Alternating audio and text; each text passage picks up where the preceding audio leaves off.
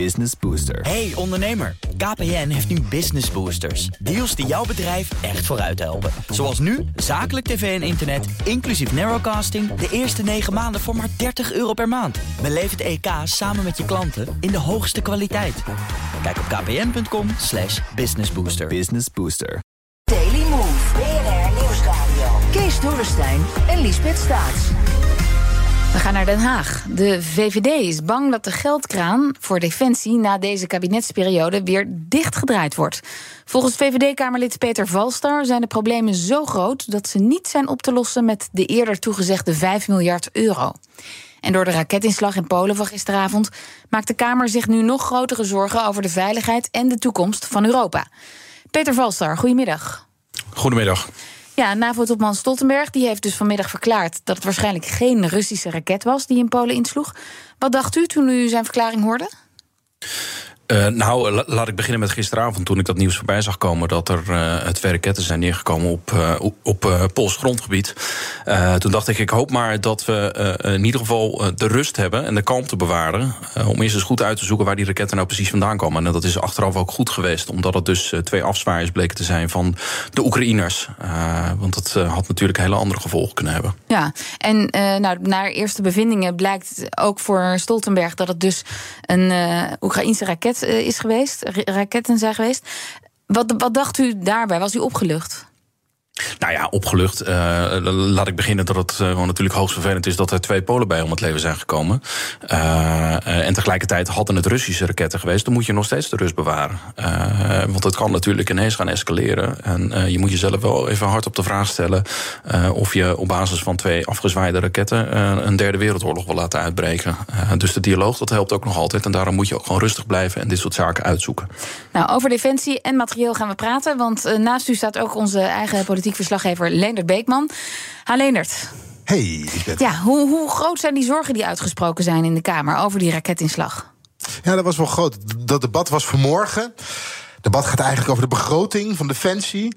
Maar nou, uiteraard, elke partij begon erover. Want ja, de, schik zat er ook wel in in de Tweede Kamer. En daarbij was ook de vraag: van ja, we zijn nu ontzettend afhankelijk van de Verenigde Staten. Wat nou als de Amerikanen ons niet meer ten alle tijden helpen?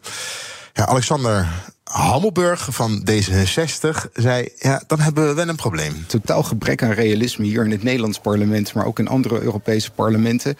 Um, we weten dat Trump heeft zich vandaag kandidaat gesteld, hè, basically voor, voor, de, voor de Amerikaanse presidentsverkiezingen over twee jaar. Hij heeft in, tijdens zijn vorige presidentschap heeft hij meermaals aangegeven dat de Europeanen het eigenlijk zelf moeten uitzoeken.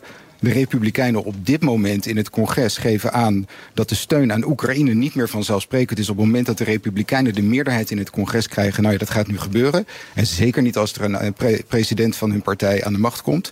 Ja, dan moeten we als Europeanen dat gat kunnen vullen. Dat kunnen we op dit moment niet. Dat is echt een hele serieuze uitdaging. Eh, het gaat hier over onze eigen veiligheid in Europa, maar ook echt in Nederland. Ja, Europa moet dus volgens D66 op eigen benen staan. Heb gevraagd extra geld voor Defensie. Nu al, wilt u dat? Nou, dat is nog niet het geval.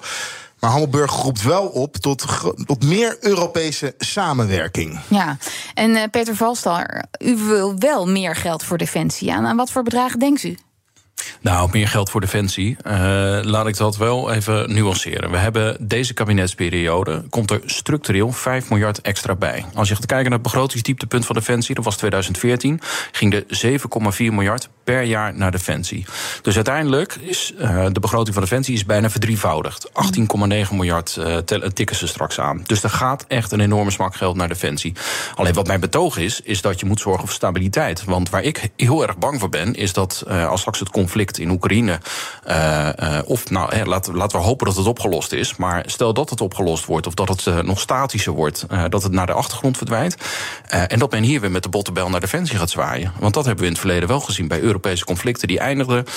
wordt er direct weer naar defensie gekeken om daar weer het vel van de potten te halen. U bent dus eigenlijk een beetje bang voor dagkoersen? Ja, dat klopt. En daarom heb ik ook samen met, uh, de, met de SGP en het CDA hebben wij een uh, defensiewet ingediend om uh, de 2% van het nationale inkomen, wat nu naar defensie gaat, om dat ook vast te leggen. Ja, om eigenlijk defensie tegen de politieke bescherming te nemen. Ja, Leendert, hoe denken de andere partijen daarover? Hebben die hier oren naar? Nou, het is natuurlijk zo dat veel partijen in de Tweede Kamer hebben een ommezwaai gemaakt. En dan moet je bijvoorbeeld kijken naar GroenLinks, Partij van de Arbeid. Vroeger werd er, wordt er door deze partijen gezegd: ja, geld naar defensie, liever wat minder dan wat meer. Nou, dat is veranderd sinds dat de oorlog is uitgebroken in Oekraïne. Alleen er, is een, er zijn grote zorgen over hoe gaan we dat extra geld, dat nu beschikbaar is voor defensie, hoe gaan we dat uitgeven? Lukt dat eigenlijk wel? En zolang dat niet lukt, heeft het ook geen zin om er nog meer geld tegenaan te smijten of het budget na deze de kabinetsperiode te verhogen. En Jasper van Dijk van SP is dan ook zeer kritisch. Nee, dat lijkt mij echt uh, heel vreemd om dat nu te doen. Die 5 miljard komt al neer op een verhoging van 40% van het budget. Uh, en er, uh, deskundigen zeggen ook: het is maar zeer de vraag of je dat geld in zo'n korte tijd wel kan wegzetten. Ja, want de problemen zijn groot. Er zijn lange levertijden voor materieel. En natuurlijk, een personeelstekort. Dus er is nog een hoop te doen bij Defensie. Ja, en meneer Valstar, kunt u die vraag of de zorgen van Jasper van Dijk beantwoorden? Nou, Jasper van Dijk heeft hier natuurlijk een heel ander belang. Uh, die is niet zo fan van de, de krijgsmacht. En dat is aan goed recht. Uh, wat vaststaat is dat wij de afgelopen jaren. Uh, daar is mijn partij ook voor verantwoordelijk geweest. Er is de politiek in hele brede zin voor verantwoordelijk geweest. Is de krijgsmacht gewoon afgebroken. Ik begon mijn begrotingsbijdrage vandaag met een zinnetje dat op een monument staat bij het dorpje Rijsoord. Dat, lag, dat ligt onder de rook van Rotterdam. En op 15 mei 1940 lag het letterlijk onder de rook van Rotterdam. Want daar werd de capitulatie getekend. En daar staat een volk dat zijn verdediging verwaarloost, zet zijn vrijheid op het spel. En in die zin hebben we er gewoon niks van geleerd. Wij hebben uh, onze verdediging weer verwaarloosd. Wij hebben defensie afgebroken. En ik hoop nu met die 2% waar we op uitkomen, die 18,9 miljard, dat dat gewoon de komende generatie wordt voortgezet. Maar het is toch een hele relevante vraag om, om, om je af te vragen waar dat geld aan uitgegeven wordt. Want er is problemen met, er zijn problemen met grote personeelstekorten, materieel. Waar gaat u dat vinden? Iedere euro wordt uitgegeven. Sla de begroting erop na. Iedere euro wordt uitgegeven. Wat ook de realiteit is, dat op de markt uh, de grondstoffen worden duurder. Uh, de vraag uh, naar materieel is toegenomen. Dus ik, ik, denk eerder dat ze straks onder een streep geld tekort zullen komen. dan dat ze het erover hebben. Dus dat geld wordt gewoon uitgegeven. Maar is het reëel om te denken dat je met extra geld ook extra materieel kunt kopen op korte termijn en extra soldaten kunt aannemen?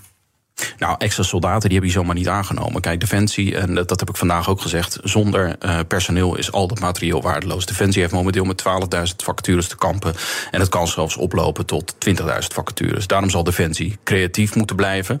Uh, er komt een uh, vrijwillig dienjaar komt eraan. ik vind dat Defensie, heb ik vandaag ook het voorstel toegedaan... ik vind dat Defensie veel zichtbaarder moet zijn in de samenleving. Mm -hmm. dus nogmaals, dat geld dat wordt uitgegeven... alleen ja, hebben ze straks ook in, in voldoende mate het personeel... Uh, dat is gissen. Uh, het CAO is omhoog gegaan. Uh, er is nu een betere beloning bij Defensie.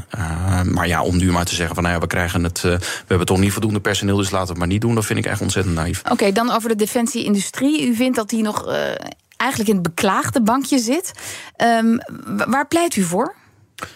Nou, de minister heeft onlangs, uh, dat was volgens mij bij een gecombineerd uh, en georganiseerd debat van het FD en BNR, denk ik, het Europa-debat, heeft zij ook aangegeven dat, ja, dat de wapenindustrie eigenlijk weer omarmd moet worden door de mhm. financiële sectoren.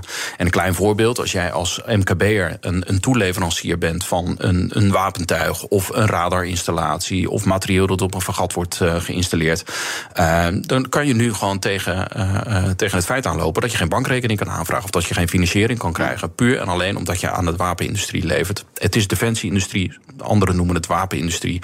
Uh, en dat vind ik, zeker omdat wij nu 5 miljard gaan stuk slaan, uh, ja, vind ik ook dat daar wel iets ten goede moet komen van onze eigen Nederlandse defensieindustrie. En vindt u dan ook dat, dat uh, het vermogen van pensioenfondsen en, en banken, dat die ons spaargeld daaraan zouden moeten kunnen besteden? Ja, dat lijkt mij geen verkeerde investering. Als je nu wereldwijd gaat kijken hoeveel er geïnvesteerd wordt in de defensieindustrie, dan lijkt mij dat voor de pensioenfondsen lijkt me dat een uh, prima investering. En de commandant der strijdkrachten heeft dat onlangs uh, ook nog uh, beaamd. Ja, Leendert, en is er enthousiasme voor dit voorstel? Nou, de heer Valstar, uh, hij noemde net al Jasper van Dijk. Uh, hoe noemde u hem ook alweer? U zei uh, hij is een tegenstander van Defensie. Hij is, niet, hij, is geen, hij is geen voorzitter van de fanclub van Defensie. Nee, maar, ik denk dat hij het niet met u eens is als, als hij hierbij had gestaan. Maar ik heb hem nog wel. de heer Valstar had gelijk met Jasper van Dijk het aan de stok in de Tweede Kamer toen het hierover ging. Je ziet nu dat er een soort wapenwetloop ontstaat. Met miljarden investeringen naar allerlei wapens waarvan het nut zeer twijfelachtig is. De Joint Strike Fighter. Uh, we gaan uh, onderzeeboten kopen voor miljarden euro's. Voor welke vijand moeten die uh, precies gebruikt worden, vraag ik mij dan af. Dus het kan echt een tandje minder. Het is goed dat Nederland een krijgsmacht heeft om bepaalde basistaken te vervullen. Maar die miljarden, dat gaat leiden tot geldverspilling. en ik geef je op een briefje dat wij over een paar jaar met een parlementaire enquête zitten. Om te zien waar al dat geld gebleven is dat in defensie werd gepompt. Ja, Lisbeth, het is ook een beetje de vraag. Er is een oorlog uh, in Oekraïne. En wat moeten we met nieuwe onderzeeërs die voorlopig niet geleverd worden? Of met nog meer vliegtuigen? Ja. En uh, Jasper van Dijk zichzelf, binnenkort hebben we een parlementaire enquête om te kijken waar deze miljarden zijn gebleven. Ja, meneer Valstar, het mag wel een tandje minder dus. Ja, dat, dat verbaast mij niet dat dit uit de woorden van, uh, of uit de mond van uh, de heer Van Dijk komt. Wat ik al zei, hij is niet de voorzitter van uh, de fanclub van Defensie. We hebben die onderzeeboten hebben we heel hard nodig. Sterker nog, de Nederlandse onderzeeboten, we hebben de vier, die staan zeer hoog aangeschreven internationaal. de Nederlandse onderzeebotenopleiding, Amerikanen, Australiërs, Canadezen, komen die opleiding allemaal hier volgen, omdat wij ook gewoon een lange geschiedenis hebben sinds begin 1900, of begin, ja, begin 1900. Um, die onderzeeboten hebben wij gewoon nodig in de Noordzee, in de Baltische Zee, voor het beveiligen van de onderzee-infrastructuur. Uh, datzelfde geldt voor die F-35's. En wij hebben, nou, en dat, dat, dat hebben onze hm. toen nog in F-16, uh, dat hebben onze vliegers echt uitstekend gedaan. Uh, ISIS bestreden. dus om nu maar te denken van ja, weet je, laten we het allemaal niet doen. Nou, de heer Van Dijk vindt de vrede en veiligheid, als hij dat allemaal niet zo belangrijk vindt, dan snap ik dat je aan ah, bent. Ja, dat zegt dat hij niet. Dat, legt hij nu wel, dat, dat zegt hij natuurlijk nee. niet. De vraag is alleen wordt het, en met de grondoorlog in Oekraïne Oekraïne wordt het dan wel efficiënt uitgegeven? Hoe lang, uh, wat is het vervolg van, deze, van dit debat over de defensiebegroting, Leendert? Nou, morgen uh, wordt er verder gedebatteerd. En dan is het uh, aan de minister, minister Ollongren, om antwoord te geven op de vele vragen vanuit de Kamer. Dus ook van de heer Valstar. Onder andere over de zichtbaarheid van defensie. U had er nog een mooi voorstel voor. Zorg ervoor dat. We moeten afsluiten. Uh, we moeten afsluiten. goed voorstel. Dat was een zeer goed met, voorstel. Ja, militairen met uniform gratis in de trein. Zodat mensen ook enthousiasmeerd worden voor het leger. Meer zichtbaarheid voor defensie. Peter Valstar, Kamerlid voor de VVD en politiek verslaggever Leonard Beekman. Dank jullie wel. Business Booster. Hey ondernemer, KPN heeft nu Business Boosters. Deals die jouw bedrijf echt vooruit helpen. Zoals nu, zakelijk tv en internet, inclusief narrowcasting... de eerste 9 maanden voor maar 30 euro per maand. Beleef het EK samen met je klanten in de hoogste kwaliteit. Kijk op kpn.com businessbooster. Business Booster.